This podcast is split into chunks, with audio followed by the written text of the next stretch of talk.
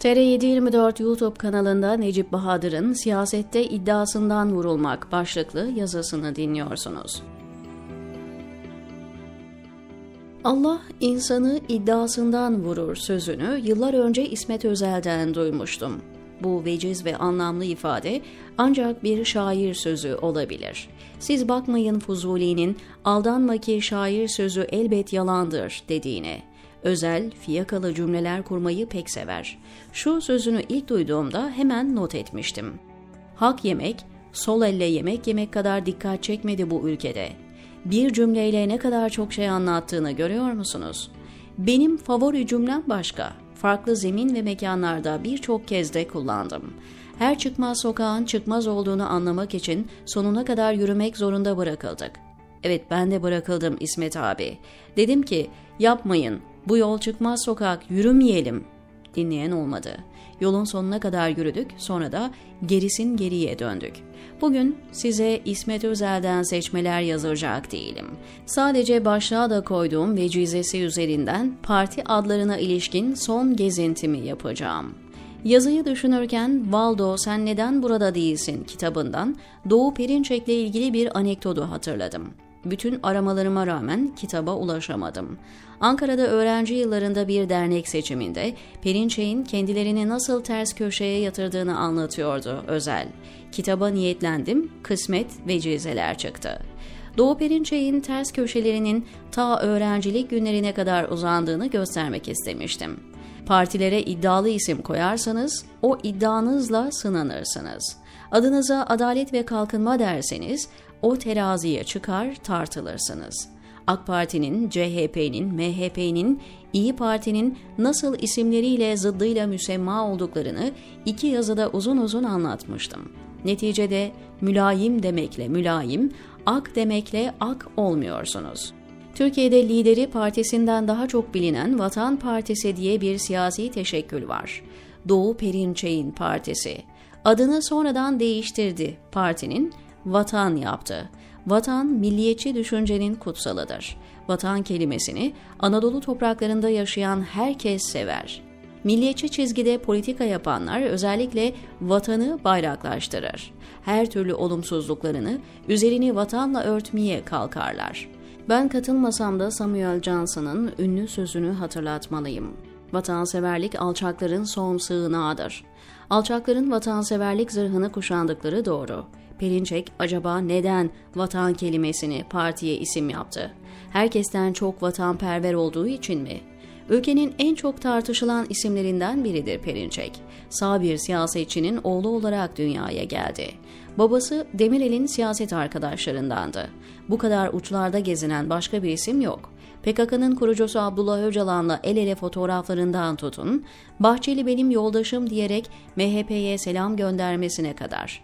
Şu sıralarda gemisini AKP'nin limanına demirledi. Kim kime yaklaştı ayrı tartışma konusu. Siyaset öyle gerektirdiği için değil, Perinçek'in AK Parti'nin bayrağını sallaması başka hesapların ürünü. Normal bir ülkede bu kadar zikzak yapan bir politikacı, bırakın siyasette tutunmayı, sokağa çıkamaz, yolda yürüyemez. Perinçek'in amacı iktidara gelmek veya hükümetin bir parçası olmak değil. Adı parti yoksa bambaşka bir teşekkül. Sesiyle partinin gücü arasında ters orantı var. Son seçimdeki oy oranı %0.1. Bu rakam düşer, artmaz. Bütün ülkedeki partili sayısı ortalama şöhrete sahip birinin cenazesine katılanlar kadardır ancak. Perinçek'in hayatını anlatmak değil amacım. Meseleye giriş yapıyorum sadece. Perinçek'in partisinin adı Vatan ve kendilerine de siyasi görüş olarak ulusalcı diyorlar değil mi? Sağda olursa milliyetçi, solda olursa ulusalcı deniyor.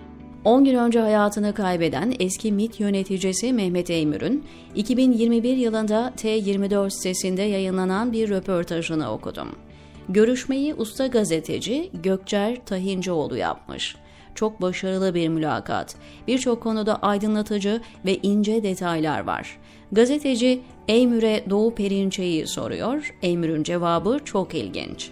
Perinçek'in hem ordu içinde yüzbaşılıktan başlayıp generalliğe kadar uzanan adamları var hem de MIT'te. Bana kalırsa Perinçek tamamen İngiliz istihbaratıyla Amerikalıların adamıdır. Kesinlikle öyledir. Devlette örgütlendiğini söylemesi çekici de bir MIT yöneticisinin adını vererek yabancı istihbarat elemanı olduğunu söylemesi beni ilgilendiren. Gazeteci de şaşırmış ve bunu bilgiyle mi söylüyorsunuz diye sormuş. Cevabı tek kelimeyle evet. Devletin hassas birimlerinde demek ki Perinçek'in trafiğiyle ilgili nazik bilgiler var. Partisinin adı ne? Vatan. Kimliği? Ulusalcı. Peki bu ne iş? Parti adları hakkında yazmayı düşünürken konunun bu noktaya varacağını hesap etmemiştim. Perinçek'in vatanı zıddıyla müsemmanın zirvesi. Bu aşılamaz. Onun için partinin ismine, rengine, kimliğine bakarak oy kullanmayın. Politikalarına bakın. Haksız mıyım? HADEP ismini DEM olarak değiştirdi. Bu siyasi gelenek o kadar çok ismini güncellemek zorunda kaldı ki neredeyse alfabedeki harfleri tüketti. Parti kapatmanın çözüm olmadığının ispatı DEM'dir. Sonuçta değişen sadece tabela, tabanını ve gücünü aynen koruyor. Bu siyasi çizginin sözcüleri halklar kelimesini, barış sözcüğünü sık kullanır. Oysa halkların değil, sadece bir halkın partisidir. Türkiye Partisi olmayı başaramamıştır. Bölge partisi de denemez. En fazla oy aldığı şehir İstanbul'dur çünkü. Barış sloganı da sorgulanabilir. Bu parti silahların gölgesinden siyaset yapmaktan kendini kurtaramadı. Bu yönüyle her dem tartışmaların odağındadır. Dem adı demokrasi ve eşitlik kelimelerinden mürekkep. Demin çok farklı anlamları var. Çayın deminden kafayı uyuşturmak için demlenmeye kadar. Zaman, çağ, nefes gibi manaları da var. Arapçada dem kan demek. Çayın demi acaba kan rengini almasından mı? Deme adını verenler elbette Arapça karşılığını düşünmemiştir. Kelimelere takıntılı biri olarak bana hep kanı çağrıştırıyor dem. O çevrelerde etkim olsaydı bu ada şiddetle karşı çıkardım. Bakalım bu ad demde ne kadar demlenecek? Saadet, Yeniden Refah, Deva, Gelecek Partilerine ne demeli? Son seçimden Saadet karlı çıktı. CHP listelerinden meclise girdi. Gelecek Partisi ile birlikte grup kurdular meclis kürsüsünden bir ses olmayı başardılar. Saadet bir siyasi hareket. Gücünü ve anlamını oy oranı veya milletvekili sayısıyla ölçmek doğru değil. Meclisteki varlığı da önemli. Erbakan sağlığında bir seçim akşamı Saadet'in %2,5'luk oy oranına atıf yaparak bizim halkımız Müslüman, zekat miktarı kadar oyunu bize verdi, buna da şükür demişti. Saadet'in şu an tabanını koruyabildiği söylenemez. Benzer orandaki oyu yeniden refahla paylaşıyorlar. Saadet mesut mu? Pek değil. Yeniden refahta da refahtan, huzurdan eser yok. Ayrıca bir kadro partisi olduğu söylenemez. Bugünlerde konjonktürel olarak adından söz ettirse de Erbakan adı orta ve uzun vadede var olmaya yetmez.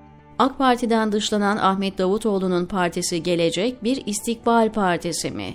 Üniversiteye dönme hayalleri kuran Davutoğlu bir anda fanatik siyasetçi oldu. Hoca gururuyla AK Parti'den kovulmasını içine sindiremedi. Biraz onun kavgası. Erdoğan ve Binali Yıldırım'la hasım. Bugünü olmayan bir partinin geleceği olur mu? Meclisteki varlığını bile CHP'ye borçlu. Henüz sandıkta sınanmadı. Deva içinde benzeri değerlendirmeyi yapmak mümkün. Ülkenin çok derdi var. Ekonomiden hukuka, dış politikadan adalete kadar. Ali Babacan'ın partisi bunların hangisine deva olabilir? Ekonomiye mi?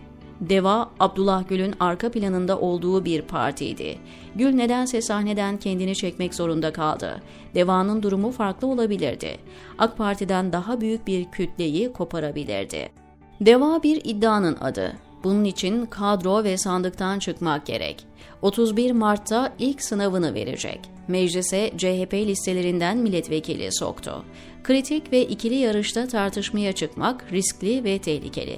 Kendilerini oylatmayacak bir yol bulmalıydılar. Yukarıdaki paragrafta adı geçen tüm partiler yerel seçimlere kendi adaylarıyla girecek. Boyları, kiloları belli olacak. Türk siyaseti Allah'ın iddiasından vurduğu politikacılar müzesi ve partiler mezarlığı gibi şairden ilhamla bütün renkler aynı hızla kirlendi ve birinciliği beyaz kaptı, diyor Necip Bahadır TR724'deki köşesinde.